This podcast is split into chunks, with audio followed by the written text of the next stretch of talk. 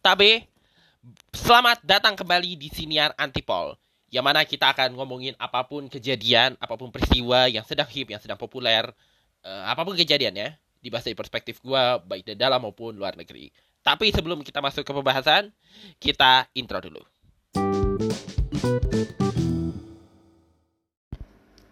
Bayangkan suatu hari lu sedang menunjukkan apa sih namanya uh, kebolehan lu baik itu berkesenian apa sih namanya karawitan ataupun uh, menari baik itu tari tradisional atau tari uh, apa sih namanya tari kontemporer tari modern mungkin di hadapan teman-teman kamu teman-teman sekolah. Tapi ketika uh, rekaman hasil uh, apa sih namanya atraksi lu di sekolah di tem di depan teman-teman sekolah lu diupload ke media sosial yang berarti dilihat oleh publik. Ternyata tidak semua publik menerima. Apalagi dalam kondisi dia tengah berpak menggunakan pakaian sekolah yang apaan sih ini gitu kurang lebihnya. Itu yang terjadi dengan sosok yang akan kita bahas di episode antipol kali ini. Kita akan ngomongin sebenarnya kejadiannya ini harus diakui agak lewat dan seperti saya bilang gue ini kebanyakan skip kan. Tapi oke lah kita bahas aja kali ya. Uh, jadi ada dua orang siswa sepasang nih. Satu lelaki satu perempuan. Uh, dia sekolahnya di daerah Ciawi betul tidak? Uh, sekolah negeri lah gitu. Lagi beratraksi depan teman-temannya membawakan kayak semacam de dansa gitu. Salsa dance entahlah itu. Dan kebetulan dua-duanya ini adalah atlet berprestasi berprestasi atlet berprestasi asal um, eh, mewakili kabupatennya mungkin karena kan Ciawi bagian dari Kabupaten Bogor kan. Terus karena menang terus kemudian diminta oleh kemungkinan kayaknya sih diminta oleh pihak sekolah untuk menunjukkan atraksinya depan publik. Kayak gue nggak tahu ini tapi prediksi gue kayaknya ini acara acara kan gitu ya eh, di sekolah. Bahkan gue udah beberapa kali gue bukan berapa kali ya gue gue SMA beberapa kali ngeliat apa sih namanya kayak tawuran tawuran ekskul nunjukin bakat di depan siswa baru. Kan sering gitu ya uh, setiap kali tahun ajaran baru gitu atau kayaknya nih prediksinya gue nggak tahu apakah gue nggak tahu yang video yang viral di TikTok dan kemudian menimbulkan kesalahpahaman di kalangan warganet ini uh, diambilnya pas awal tahun pelajaran atau di awal tahun entahlah gue nggak tahu. Tapi intinya uh, kita kan gini ya. Kita pernah sekolah kan kita semua ya uh, baik SMP atau SMA setiap kali tahun ajaran baru kan ada apa sih namanya kayak pengenalan budaya sekolah bener gak sih? Uh, masa bimbingan siswa. Nah di hari terakhir biasanya tuh ekskul ekskul suka bikin tawuran gitu bikin atraksi untuk apa sih namanya merayu lah gitu mengajak ayo dong masuk ke ekskul gue ekskul gue keren nih bisa dap udah dapat penghargaan nasional pernah jadi wa pernah ngirim wakil apa sih namanya untuk upacara di istana atau apa sih namanya apa sih yang pramuka itu? Jambore. Baik itu jambore pramuka atau jumbara kalau di PMR by the way gue PMR kan waktu SMP nah tawuran tuh nunjukin bakatnya termasuk e, biasanya dari PMR e, eh, paskibra pramuka ekskul olahraga ekskul menari dan sebagainya. E, bahkan kadang-kadang kolaboratif kayak waktu gue gue inget banget ini ini PBAK Win. Uh, gue kalau nggak salah gue uh, visip itu dapat anak-anak baru visip itu dapat hari pertama pengenalan budaya kampus. Nah di akhir acara ada nggak tawuran antar ini ya kayak bikin pertunjukan teater gitu. Terus apa sih unit kegiatan mahasiswanya pada collab. Bikin kayak satu cerita tapi melibatkan semuanya gitu. Yang menggambarkan apa sih namanya gue mau bilang bahwa banyak banget nih kegiatan-kegiatan di kampus ini yang bisa diikuti oleh mahasiswa. Atau kalau di banyak kegiatan ekskul yang bisa di diikuti oleh siswa. Tentu itu kembali lagi ke siswanya apakah mau ikut atau enggak gitu.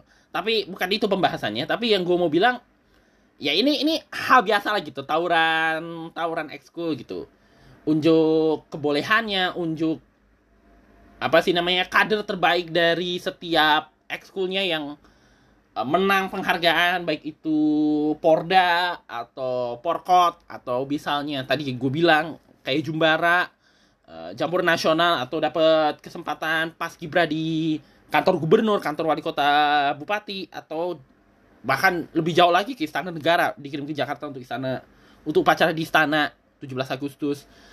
Uh, biasanya mereka unjuk bakat. Nah di Bogor ini ada ada at, tepatnya di SMP 1 Ciawi betul tidak? Semoga gue gak salah nyebut ya. SMP 1 Ciawi ini gue lagi buka artikelnya sebentar ya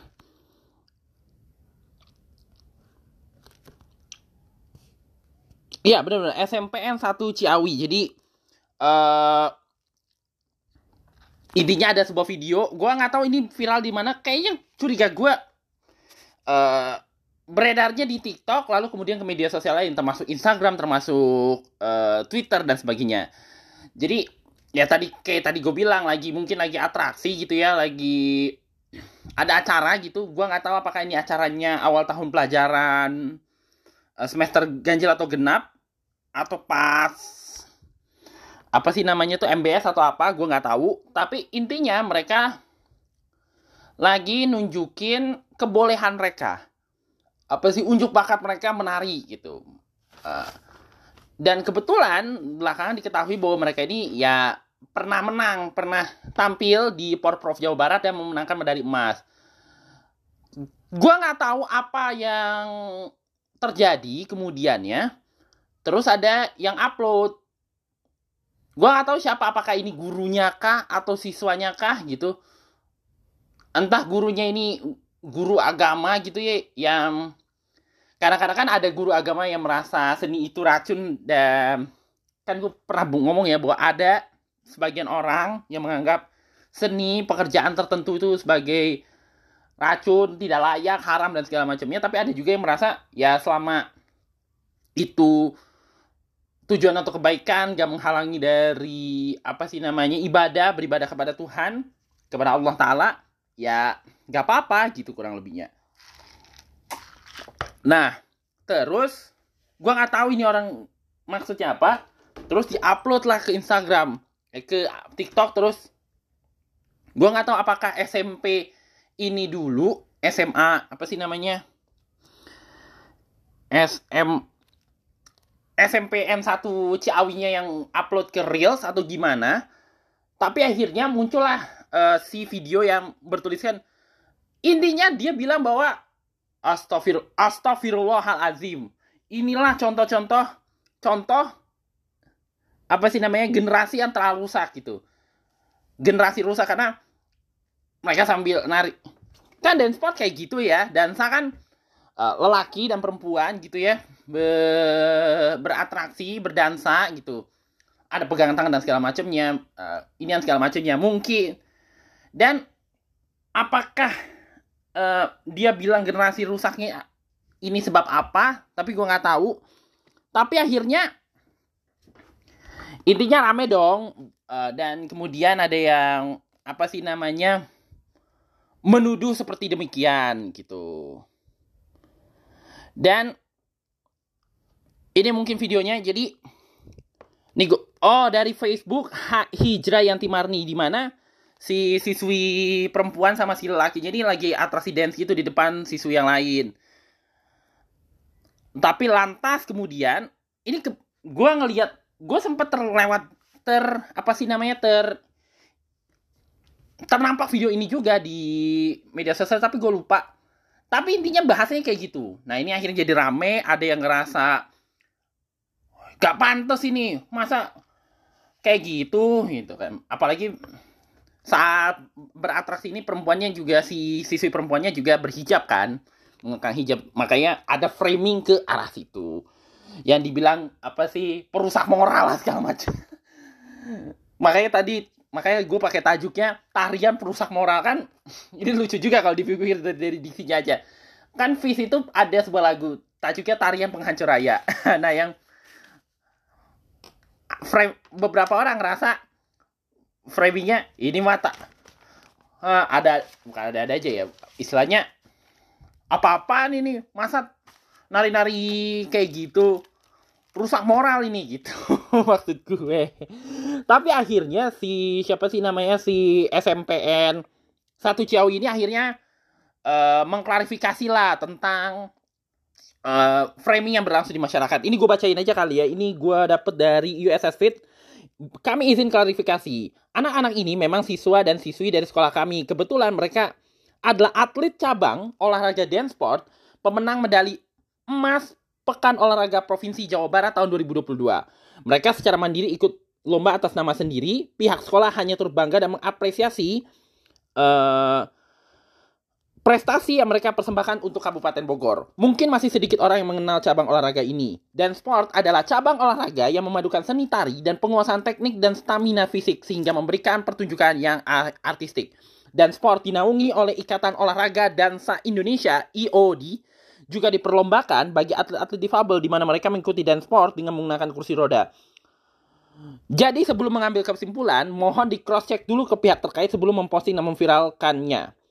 Uh, di SMP 1 Ciawi, ini penjelasan dari akun Instagramnya SMP N1 Ciawi underscore Bogor yang di capture oleh USS Fit. Dan juga diposting di akun mereka. Uh, di SMP ini sendiri tidak ada ekskul dan sport atau memasukkan dance sport ke dalam kurikulum pembelajaran sekolah. Sekali lagi, uh, apa sih namanya? Kami luruskan mereka ini atlet yang ikut atas nama pribadi dan dilatih oleh pelatih profesional Kabupaten Bogor untuk ikut dalam ajang Porprov Jawa Barat 2022 dan berhasil menyumbangkan tiga medali emas. Jadi si siswi ini uh, adalah ya tadi gue bilang uh, berprestasi menang pekan olahraga provinsi nyumbang tiga medali emas walaupun uh, sekolahnya apa sih namanya sekolahnya ini tidak ada ekspos ekskul yang sedemikian gitu ya tapi kan ada aja ya yang ini kayak SMP gue aja ada ada yang setiap pensi ada yang nyumbang modern dance kok gitu seksi dancer gitu. Tapi uh, ya seperti yang tadi dibilang itu sebenarnya atas keinginan sendiri dan dan dilatih langsung oleh pelatih profesionalnya yang memang ngerti soal dance sport itu sendiri. Dan kebetulan karena mereka berprestasi diminta menunjukkan bakatnya. Tapi ada salah paham. Mungkin karena tidak tahu kalau sebenarnya ada cabang olahraga sedemikian. Seperti yang dijelaskan oleh SMP Ciawi Bogor. Uh, nih nah si siswi yang terkena framing ini ini namanya adalah Keisha Aditya Putra Winarti dan Devina Anindita. Kebetulan dua-duanya ini memang siswi dari sekolah tersebut. Nah, kemudian ini akhirnya rame dong postingan tentang beliau. Salah satunya ditanggapi oleh Agnes Mo. Uh, Hai, this is Agnes Mo. Agnes Mo nikah ini yang gue maksud apa sih namanya? Yang gue maksud sih Agnes Mo ini. Akhirnya uh, pembahasan soal ini akhirnya terdengar ke banyak pihak. Ada yang mendu tadi seperti yang gue bilang ada ya sepakat dengan orang framing ini. Ada yang merasa bahwa Wih, gak bener ini masa orang tujuh pakat dianggap AA, dianggap sebagai nyebar aib sih gitu kurang lebihnya. Salah satunya yang merasa bahwa ini seharusnya tidak didiskriminasi, tidak di judgmental berlebihan itu adalah Agnes Mo. Hai SMP, menyapa si akun SMP Ciawi, this is Agnes Mo. Kalau boleh sepertinya punya sepertinya punya prestasi itu bukan sesuatu yang harus minta maaf kok. Punya anak berprestasi itu dibanggakan aja. Karena menurut saya biar itu bisa boost their confidence. Apa bisa jadi penyemangat gitu.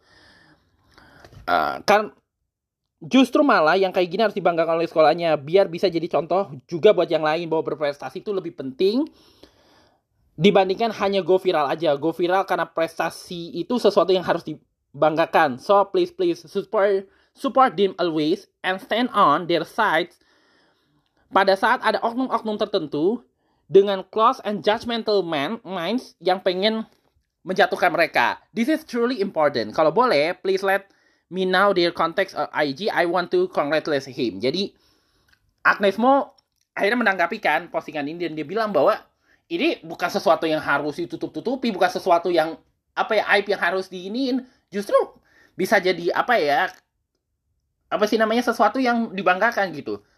Daripada cuma viral uh, berprestasi hanya karena viral eh bu maksud gue tadi maksudnya si Agnesmo apa sih? Daripada hanya sekedar viral tapi nggak menghasilkan apa-apa, lebih baik viral tapi bisa menghasilkan. Dan banyak kok yang kayak gitu. Kayak si siapa ya? Itu sempat viral juga yang ada dua anak sepasang nih, laki sama eh, perempuan dua-duanya. Jago matematika, terus viral, terus jadi pembicara belakangan. Terusnya ada siapa lagi ya waktu itu? Tapi banyak yang kayak gitu. Nah, tapi intinya menurut dia harusnya ada dukungan untuk si kita semua gitu. Intinya mesti memberi dukungan kata Agnesmo. Karena dan harus dan dia juga tidak memungkiri ada oknum-oknum atau pihak-pihak yang berpandangan agak sempit gitu ya, pemikiran-pemikiran sempit. Nah, itu tadi istilah yang gue maksud. Yang nge-framing ini kan kebanyakan yang nge-framing generasi rusak lah, apa sih namanya apa-apaan ini gitu. Ini kebanyakannya ya itu tadi pemikirannya rada sempit dan segala macam ini persis seperti yang pernah gue omongin dulu bahwa ada kelompok-kelompok yang mungkin pandangan agamanya agak sempit gitu ya. Tentu bukan bermaksud ada yang bisa dipahami pemahamannya.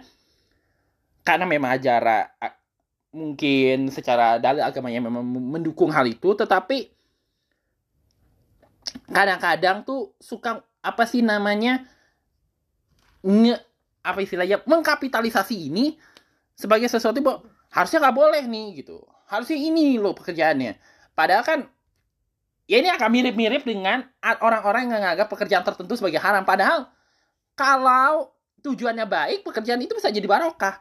Justru kadang-kadang pekerjaan-pekerjaan ini mulai agak keluar konteks sih. Tapi biar lu ngerti aja gitu ya biar lu paham ada pekerjaan-pekerjaan yang kelihatannya halal kalau caranya cara masuknya, cara mendapatkannya tidak halal, ya sama aja gitu.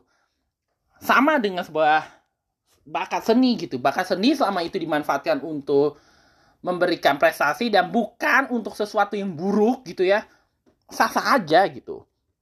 Mungkin itu yang dimaksudkan si Agnes Mo. Uh, eh, gue baca artikel ini adalah artikel dari USS Fit. Uh, ini gue baca aja ya uh, ism gue baca bahasa Indonesia aja kali ya sebentar ini video dua siswa viral baru-baru ini Kis Keisha Aditya dan Devina Anindita menarik perhatian orang ramai karena menari tarian Latin di sekolah mereka. Adapun video tersebut itu mengundang kritik karena diduga tidak pantas dalam tanda kutip bagi sebagian orang. Seorang pengguna WhatsApp bahkan mengatakan bahwa budaya asing mulai berdampak kepada generasi muda. Mereka juga berkata, mengapa orang-orang masih terkagum-kagum ketika melihat masa depan negara kita disakiti dengan cara ini. Ini asumsi yang tadi gue bilang orang-orang yang mungkin pandangannya rada sempit itu. Pihak sekolah SMPN 1 Ciawi Bogor kemudian menanggapi dan memposting pernyataan di laman Instagram mereka mengklaim bahwa mereka sebenarnya adalah pesaing olahraga tari dan baru saja meraih emas di Pekan Olahraga Provinsi sebagai apresiasi mereka membiarkan siswa uh, tampil di depan semua orang. Karena kritik yang diterima oleh video tersebut, Agnes Mo menanggapi dengan menginginkan pesan yang mendorong kepada pihak sekolah. Ya, seperti yang lu baca tadi ya. Uh, uh, bener ya, bener-bener. Dan mengatakan bahwa kepada mereka bahwa, bahwa sukses adalah sesuatu yang patut dibanggakan daripada membuat sesuatu yang patut dibanggakan ide dan atau mungkin menemukan malu. Nah, ini agak tapi intinya akhirnya ada feedback lah gitu dari si Agnes Mo terus juga uh, Pak Pak Nadiem Makarim juga Menteri Pendidikan dan Kebudayaan Riset dan Teknologi juga mengapresiasi hal demikian. Ini gue baca aja kali ya. Bangga sekali dengan prestasi dua siswa berkenaan yang bisa menarik sekeren ini. Terus semangat untuk berkarya, berprestasi, dan mengejar mimpi. Yang kemungkinan itu adalah video yang diposting oleh beliau juga di akun Instagramnya. Gitu kurang lebihnya. Nah e, menurut gua tentang si siapa sih namanya si Keisha si sama temennya ini yang nari dance sport di hadapan teman-temannya mengungkapkan rasa keseniannya tapi kemudian di framing secara tidak baik oleh sekelompok orang ini sebenarnya sesuatu yang gue cukup yakin juga banyak ini salah satu bentuk nyata apa sih ketika persinggungan uh, antara ur, uh, pengungkapan ekspresi modern berhadapan dengan apa sih namanya pemikiran sempit yang mencoba ya lebih tepatnya sih kelihatannya menguasai atau mendominasi perbicaraan di dunia maya gitu. Ketika semua orang sekarang punya akses terhadap digital baik yang pemikirannya terbuka maupun pemikiran sempit uh, dan makin menunjukkan identitasnya, hal-hal yang kayak gini memang harus diakui sering terjadi dan sering banget. Uh, fenomena-fenomena uh, yang berlaku di masyarakat kadang-kadang ada aja yang ditanyakan gitu disikapi di uh, dibahas dari perspektif baik itu perspektifnya agama budaya ataupun sebagainya cuma memang jadi problem terbesar ketika orang-orang sempit ini atau orang-orang yang tadi dibilang Agnesmo sebagai judgmental and close minding ini mencoba mempengaruhi publik me apa sih namanya meyakinkan publik bahwa ini salah, ini tidak bermoral dan segala macamnya gitu. Padahal ya seperti yang gue pernah bilang gitu di episode bekerja kok haram gitu kan bahwa setiap pekerjaan bahkan ini bisa berlaku juga dengan ekspresi kesenian gitu. Atau uh, menunjukkan bakat seni gitu. Apa pun dia selama itu kan bakat itu kan datang dari kemampuan itu kadang-kadang datang dari Tuhan kan? Dan dia bisa datang dari sesuatu yang udah azali aja gitu bahkan apa sih namanya rezeki kita aja. Itu cukup tuh. Waktu kita lahir aja juga udah dibisikin rezeki kita dari mana terusnya segala macamnya gitu. Sehingga bakat itulah yang kemudian coba kita asah dengan selama kita bisa asah dengan baik uh, selama kita mendisiplinkan itu dan juga uh, dibarengi dengan hal baik hasilnya juga akan baik gitu istilahnya kayak ikhtiar usaha. Eh sebentar bentar. Doa ikhtiar usaha terus tawakal. Setelah kita usaha tawakal aja gitu. Tentu gue nggak qualified kalau bicara soal agama eh. Kayaknya lebih ahli ahli agama. Cuma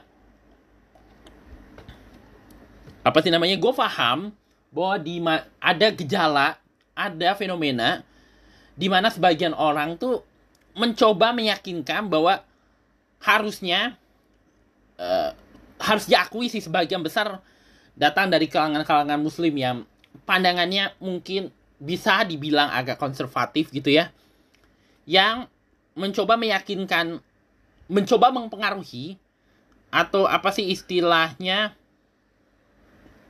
menguasai minda orang uh, kita semua gitu publik bahwa hal-hal kekeliru ini keliru dan harus diperbaiki gitu.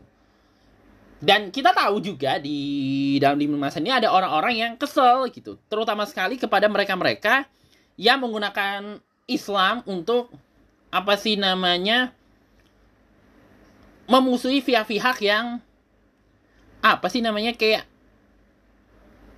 polisi moral gitu. Jadi polisi moral gitu. Sehingga ketika orang-orang kayak gini, mereka akan beranggapan apaan sih lu paling juga lu karena lu pengen membenarkan pikiran ini kan gitu kurang lebihnya. Lu mau bilang ini padahal lu nya sendiri juga gak, gak baik gitu kurang gitu. Lu ngerti kan maksud gua?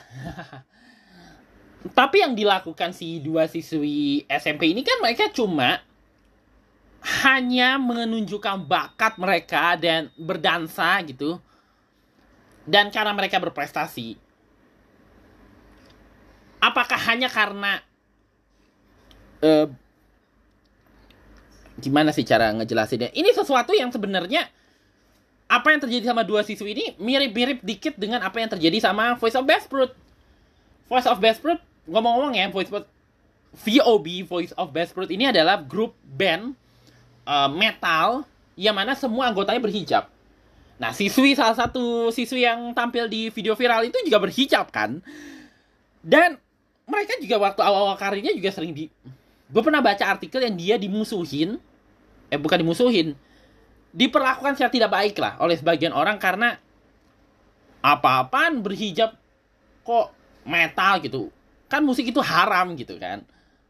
Kan musik itu bisa mengarahkan orang pada maksiat. Tapi akhirnya mereka dengan keunikannya malah mereka mendapatkan yang bisa kita istilahkan sebagai rezeki tampil di luar negeri eh, bahkan masuk ke dalam 100 musisi uh, paling dikagumi oleh majalah NME, uh, sebuah media musik namanya NME. Salah satunya si VOB ini. Dan banyak uh, peminat musik Indonesia yang bisa menerima. Ada yang tidak terima, tapi akhirnya publik, sebagian besar publik, terutama penikmat musik Indonesia bisa menerima. Mereka yang membuktikan bahwa kita bisa kok menunjukkan bakat, tapi tetap menunjukkan ketaatan, tapi bisa menunjukkan bakat juga di waktu bersamaan gitu. Di satu sisi kita berpakaian apa sih berbusana sesuai dengan tuntunan agama tapi tanpa dengan hal menghalangi daripada apa sih menunjukkan bakat selama selama ya uh, tetap sesuai dengan tetap uh, apa sih namanya nilai tidak menyalahi norma-norma agama yang berlaku gitu. Tapi memang gue akui bahwa ada sebagian masyarakat kita yang masih pandangannya ke arah situ. Tetapi ini jadi PR besar sih untuk kita semua. Bagaimana seharusnya bahwa berpakaian yang sesuai tuntunan agama tuh nggak menghalangi orang untuk bekerja, meraih mimpi, apa sih namanya? Eh uh, apa sih istilah pasnya? Gue lagi nyari istilahnya nih. Menunjukkan bakatnya, menunjukkan ekspresi keseniannya nggak ada halangan itu. Dan ya kalau mereka sih gue cukup yakin nggak ada nggak selama nggak ada niat bu menari itu kayak gini aja deh. Dalam kasus dance sport kita berdansa gitu. Selama si pasangan ini gak ada niat buruk mah gak apa-apa gitu. Lain ceritanya kalau mereka habis nari terus kepikiran segala macam. Gue curiga kayaknya di kebanyakan nonton ini sih situs ono kayak kejadian siapa tuh yang mas emas berselingkuh sama mertu sama ibu dari istrinya? Itu kan salah satu contoh buruk ya. Tapi kalau misalnya